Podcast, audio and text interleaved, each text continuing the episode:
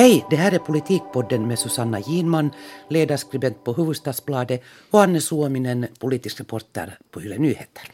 Riksdagen har tagit itu med budgetförslaget för nästa år. Och vi ska komma med några, några förslag om vad som borde debatteras och hur. Vad gör politikerna egentligen för att förebygga politiskt våld? Åsikterna går nu isär om lagstiftningen borde förtydligas. Det här ska vi också diskutera idag.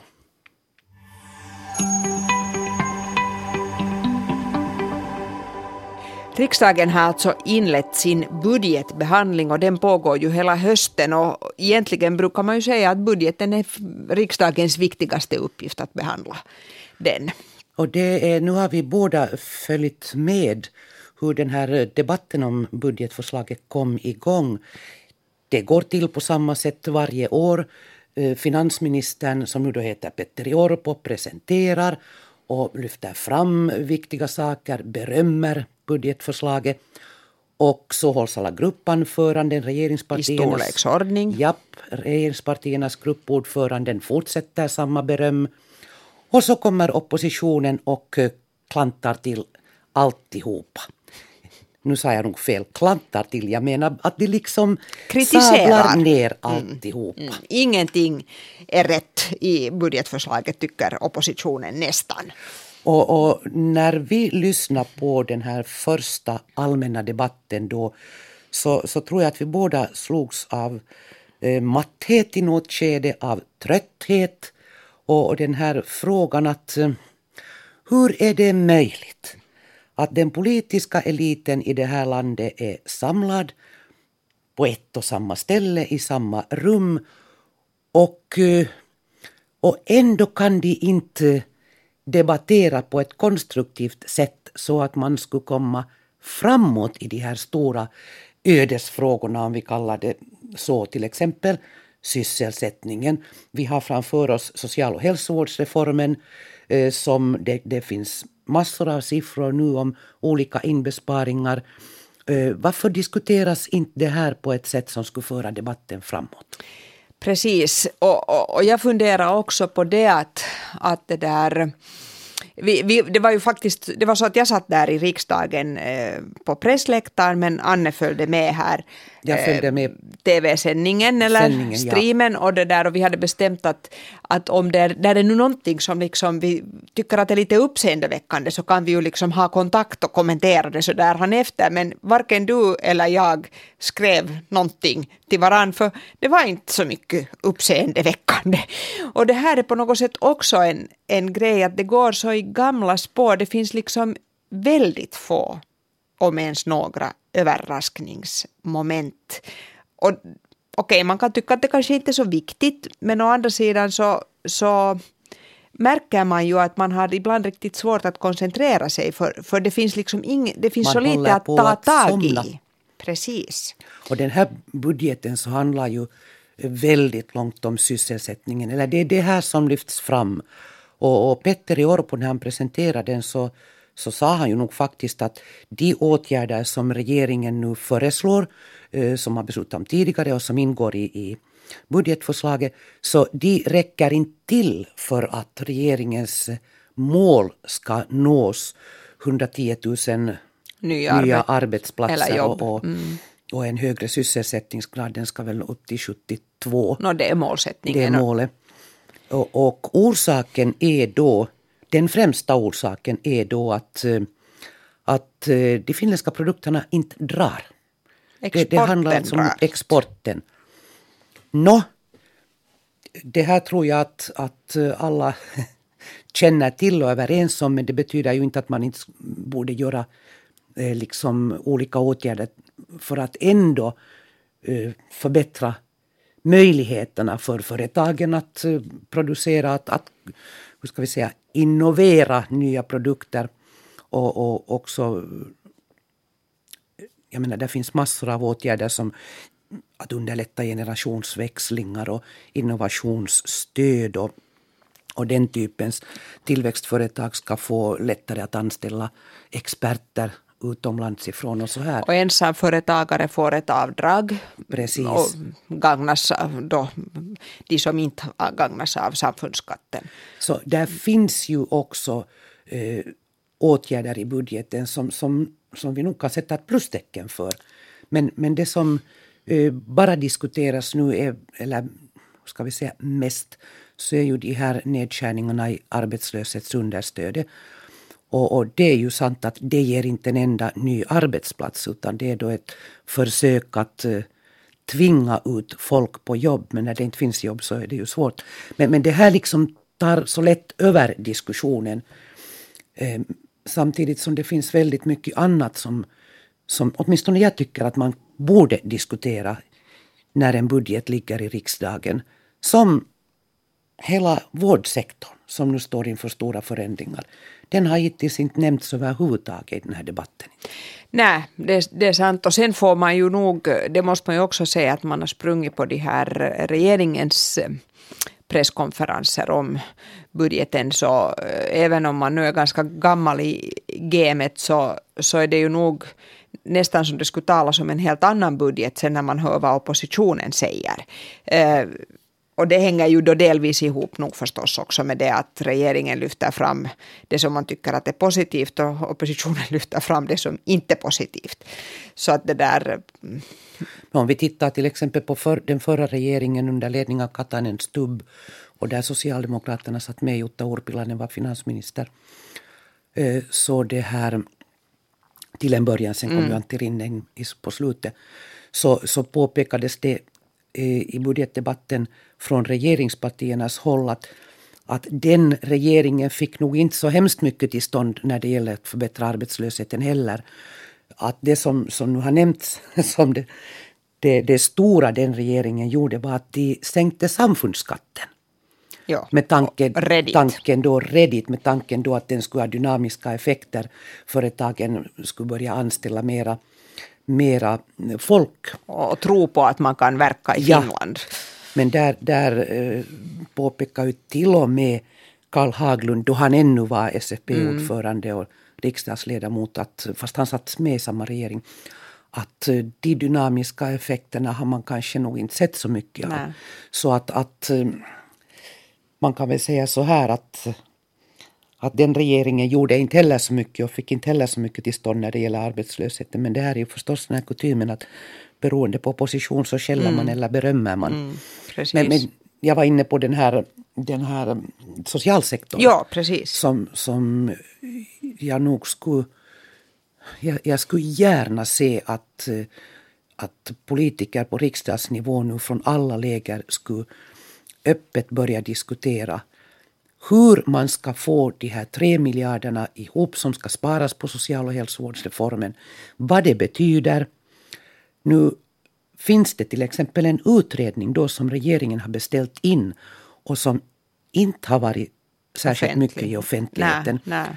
Men Lännen Media har berättat om den nu ganska ordentligt och publicerat siffror därifrån. Det är en organisation, ett konsultbolag som heter Nordic Healthcare Group där Paul Lillrankvel är styrelseordförande som har gjort den här konsultrapporten redan i maj. Den har nu läckt ut. Och den till exempel föreslår att man sparar inom åldringsvården nästan en miljard euro i åren. Och, och det är fruktansvärt mycket pengar. Och tanken är ju då att man ska spara i och med att, att eh, vården på olika institutioner eh, minskar och så går man över mer och mer till hemvård. Ja, precis. Och det, är, det är väldigt mycket pengar liksom i sig, men det är också väldigt mycket med tanke på att de äldre ju blir fler och fler eftersom de här stora åldersgrupperna nu är i den åldern att de, de så att säga håller på att bli åldringar. Så att, så att eh, man frågar sig faktiskt hur det ska gå till. Sen brukar jag ju säga att från början hade det ju hetat att den här vårdreformen inte ska spara utan att den ska stävja kostnadsutvecklingen. Att det är inte liksom en nedskärning utan det är det att kostnaderna inte ska öka så mycket som de annars ja, skulle så, göra. Så har det sagts ja, i tiderna. så har det sagts i tiderna. Nu är ju frågan då om hur, hur det går. Och det, det andra, förutom åldringsvården, och kanske du vill ännu komma med fler exempel där, men jag tänkte bara flika in det att, att det där eh, det som det ju nu också plötsligt hade börjat dyka upp en, ett sånt här ord som vårdlöfte, att man ska definiera att vad står eh, samhället för, för, eh, för vård? Liksom, vad hör till det löfte som samhället ger? Att här, den här vården kan du få. Och här, den här diskussionen tycker jag också att det är helt i sin linda. Jag menar det här med mera hemvård och att skära ner i, i åldringsvården är ju, är ju en bit av det. Men det kan också komma andra bitar.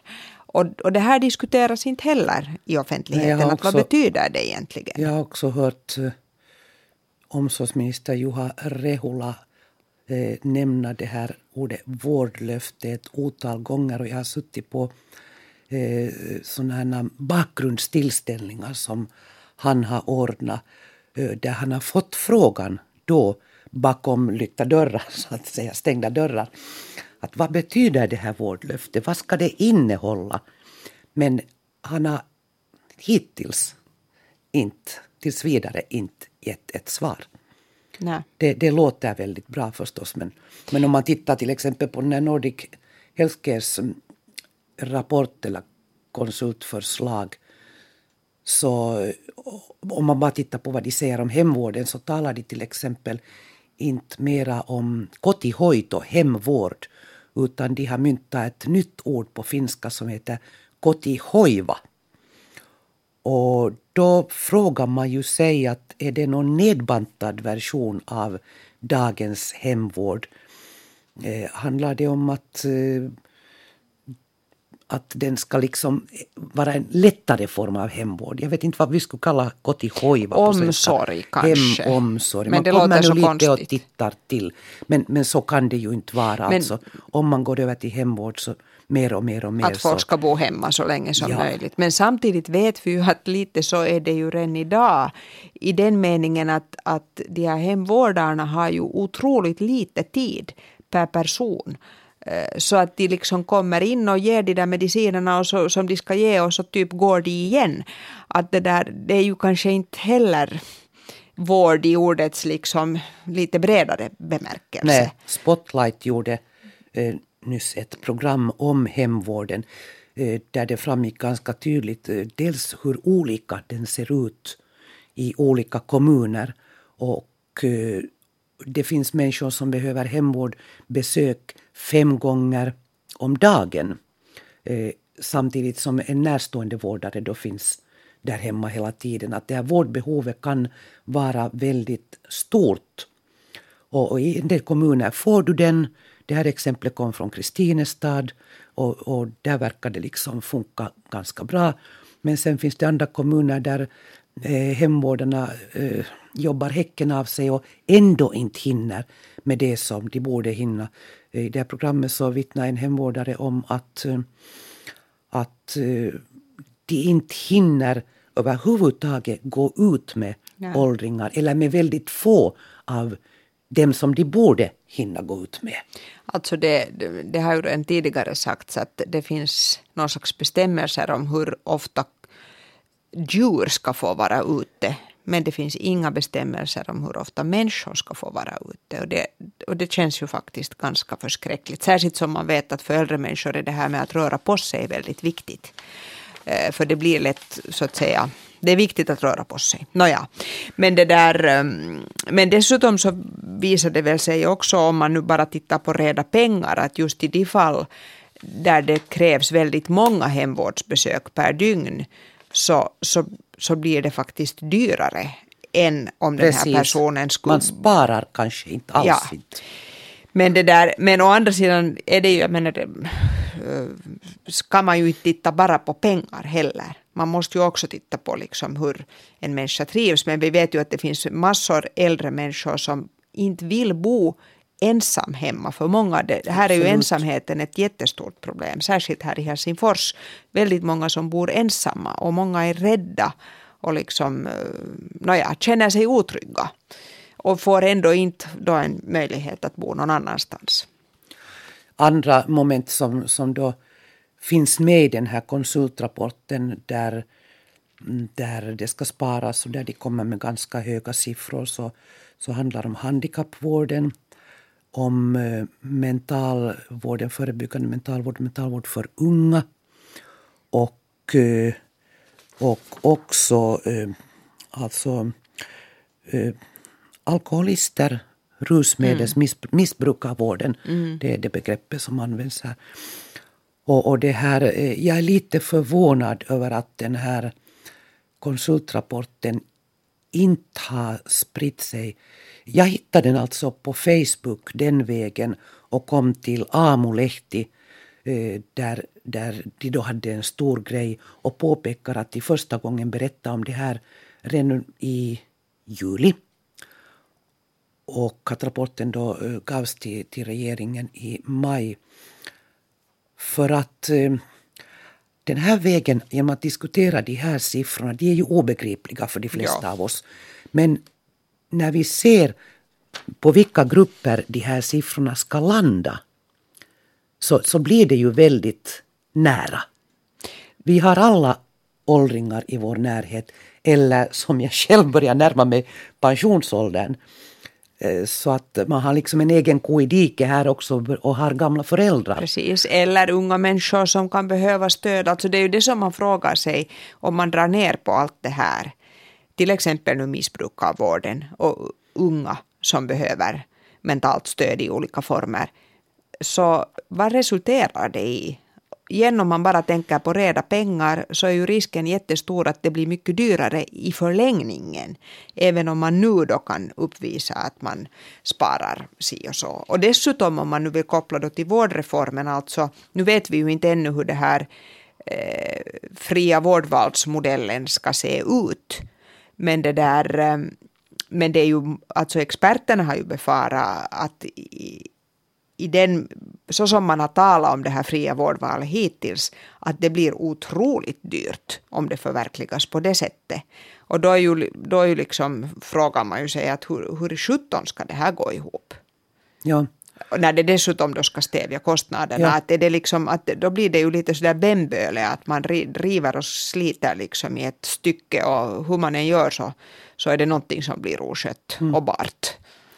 Som de här siffrorna är så mycket att, att jag, menar, jag har själv den här benägenheten att när jag ser stora siffror det ska sparas nu så här mycket så blir jag ju alldeles knottrig och skriker i högan sky att nej, nej, det här kan man inte göra.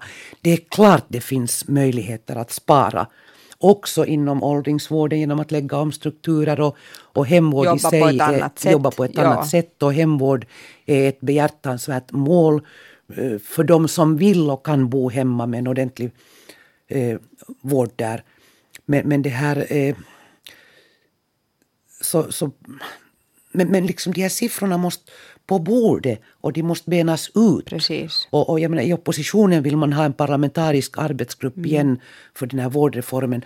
Kan hända att det skulle vara bra men lika väl kunde man i riksdagen nu under budgetdebatten lyfta till exempel just den här diskussionen och fundera över de här strukturerna. Bena ut det, höra experter.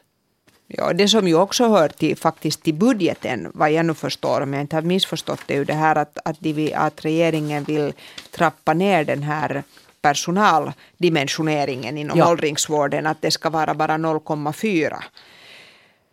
Äh, och nu kommer jag inte ihåg per, vad är det per? 0, per person är det så? Ja. Just det.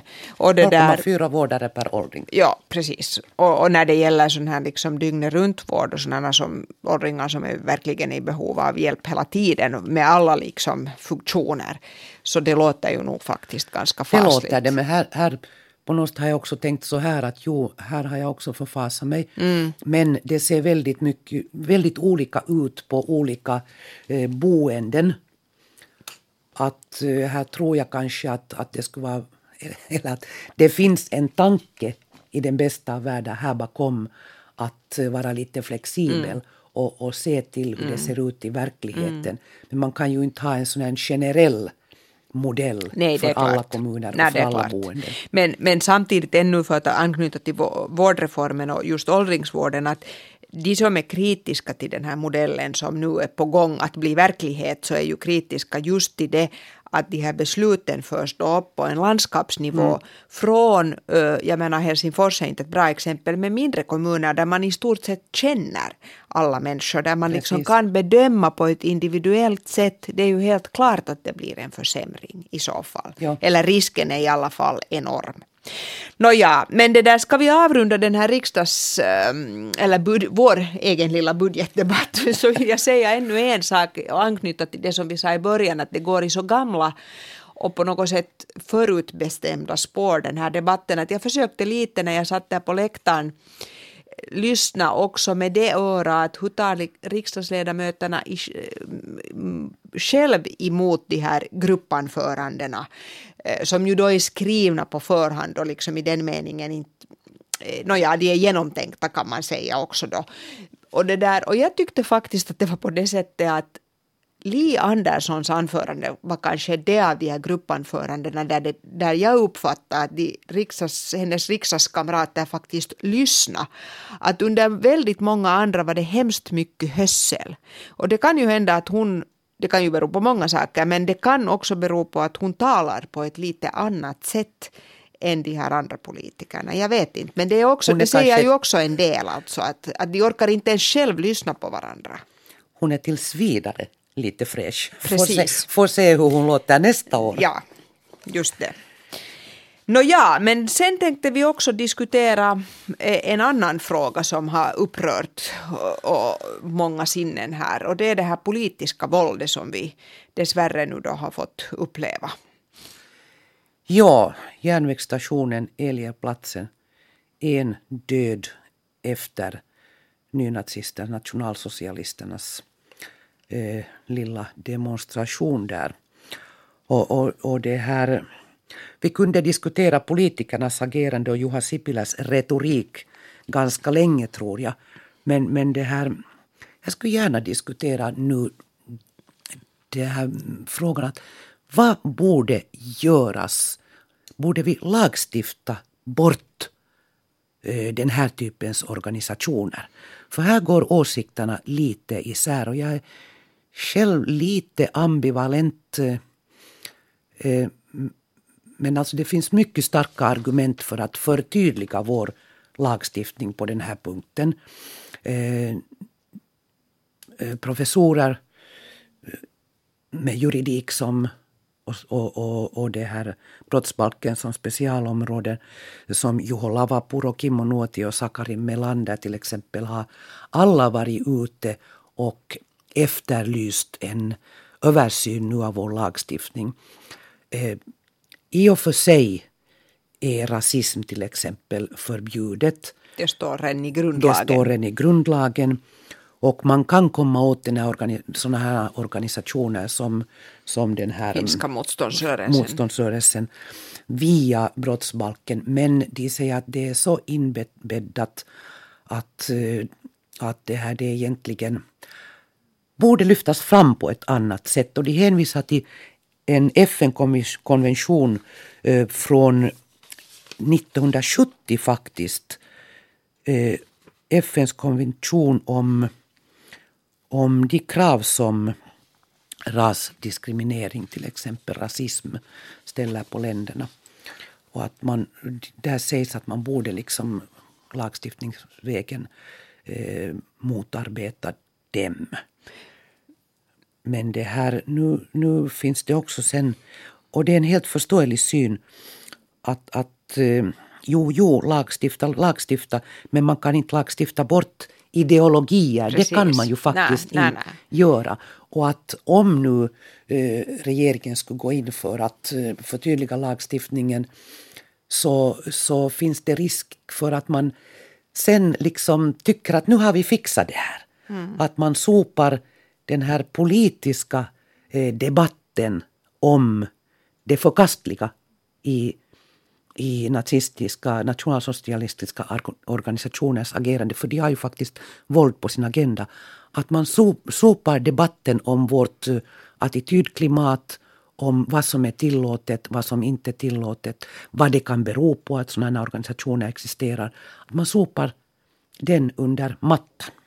Ja, jag är också ganska, har också varit ganska ambivalent i det här för att det, det är ju klart, det är också klart, jag menar de har säkert också rätt som säger att, att man får inte bort det här genom lagstiftning. Det är säkert alltså sant. Å andra sidan så är ju lagstiftning också alltid en signal. Det liksom visar att vad är okej och vad är inte okej. Det hindrar inte i sig så att säga att brott eller oönskade företeelser förekommer men det liksom visar att nej det här, det här går inte för sig. Det skulle då tala för en tydligare lagstiftning. Men sen funderar jag också på det här, jag menar den här FNs konvention mot Uh, rasism så har vi ju säkert, den har ju Finland godkänt och, vi, vi, och, det, och när vi ratificerar de här konventionerna så innebär det att de är lagstiftning i Finland. Och, och jag förvånar mig lite över att det verkar som om den här typen av eh, lagstiftning inte ändå riktigt skulle tas på allvar av våra myndigheter och politiker. För detsamma kan man ju se när det gäller människohandel och nu behandlingen av de här nigerianska eh, människohandelsoffren som har varit aktuell nu de senaste veckorna. Där har vi också lagstiftning. Inte får man skicka tillbaks folk på det här sättet som Finland har gjort när de, när de riskerar att så att säga igen ha, bli människohandelsoffer. Men man väljer tydligen vilken lagstiftning man följer och vilken praxis man har. Men så att det skulle nu tyda på att det skulle vara bra att se över den här lagstiftningen och göra det, ändå göra det tydligare. Ja, i synnerhet som, som det, här, det här fenomenet med nationalsocialister så, så jag har en så obehaglig känsla av att det är lite mer utbrett än vad man vill ge ett sken av. Den här organisationen har det sägs 60, 70, 80 medlemmar. Det är inte en förening, den är organiserad. Men, men den, är inte registrerad. Den är inte registrerad.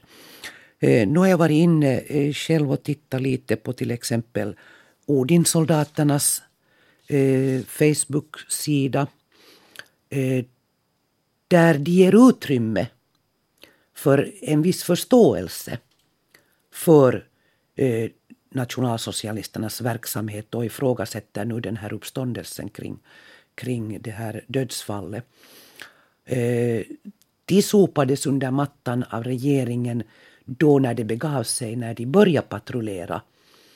Och då, då sa till exempel Juha Sipilä att om, om det nu visar sig att, att det finns ett behov så kan man nu då göra någonting. Men det blir det liksom aldrig någonting. Och Alexander Stubb lovade att det här ska utredas om man kunde förbjuda dem. Mm. Men det blir aldrig någonting. Nej, det är sant. Ja. Nå, nu är vi där att, att, att de, de förstår varandra så att säga, mm. Odinsoldaterna och den här motståndsrörelsen. Vi har vissa andra uh, Facebook-sidor, organiserade grupper som jag nu inte tänker börja marknadsföra här, men som jag eh, då och då tyvärr är inne på, för jag blir ganska illamående av det. Mm. Och där det nu också ifrågasätts, så att säga, riksmedias, de stora mediernas, det som på finska kallas för valtamedia, ifrågasätts rapporteringen om de här eh, händelserna på järnvägsstationen. Och det sprids eh, eh diverse eh, smutskastning mot det här offret. Just den här döda ynglingen. Men, ja, precis. Så att, att det finns liksom en, en diskussion som är eh, mera förstående, bredare mm. än, än vad vi kanske ser. Ja, och det här hänger ju, jag menar, det skulle vara jag tycker att det finns just precis en massa hymlande också från politikernas sida. Att jag, jag reagerar till exempel på att man inte talar om att det här är då en, faktiskt en nazistisk rörelse. De kallar sig nationalsocialister, inte ens och nynazister. Och våld ingår i deras, på deras agenda. De vill avskaffa demokratin.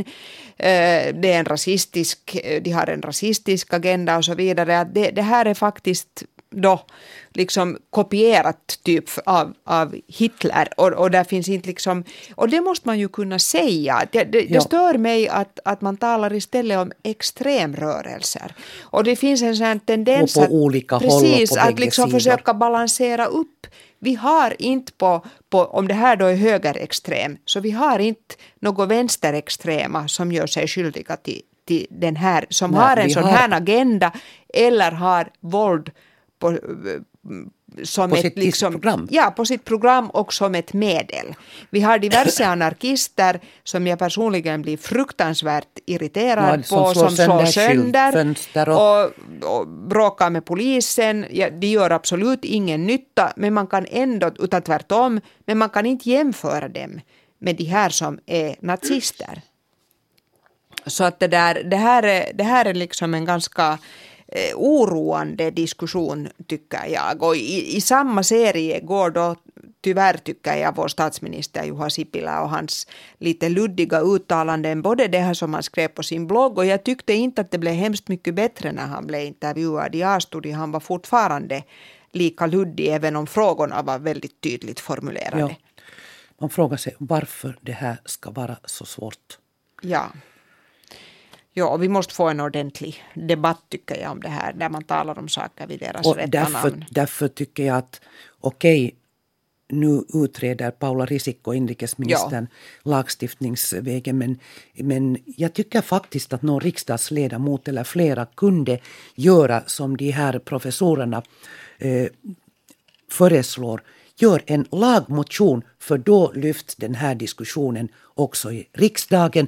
Då får vi en offentlig diskussion på ett annat sätt där eh, både regering och opposition måste ta klart ställning och bena ut den här frågan.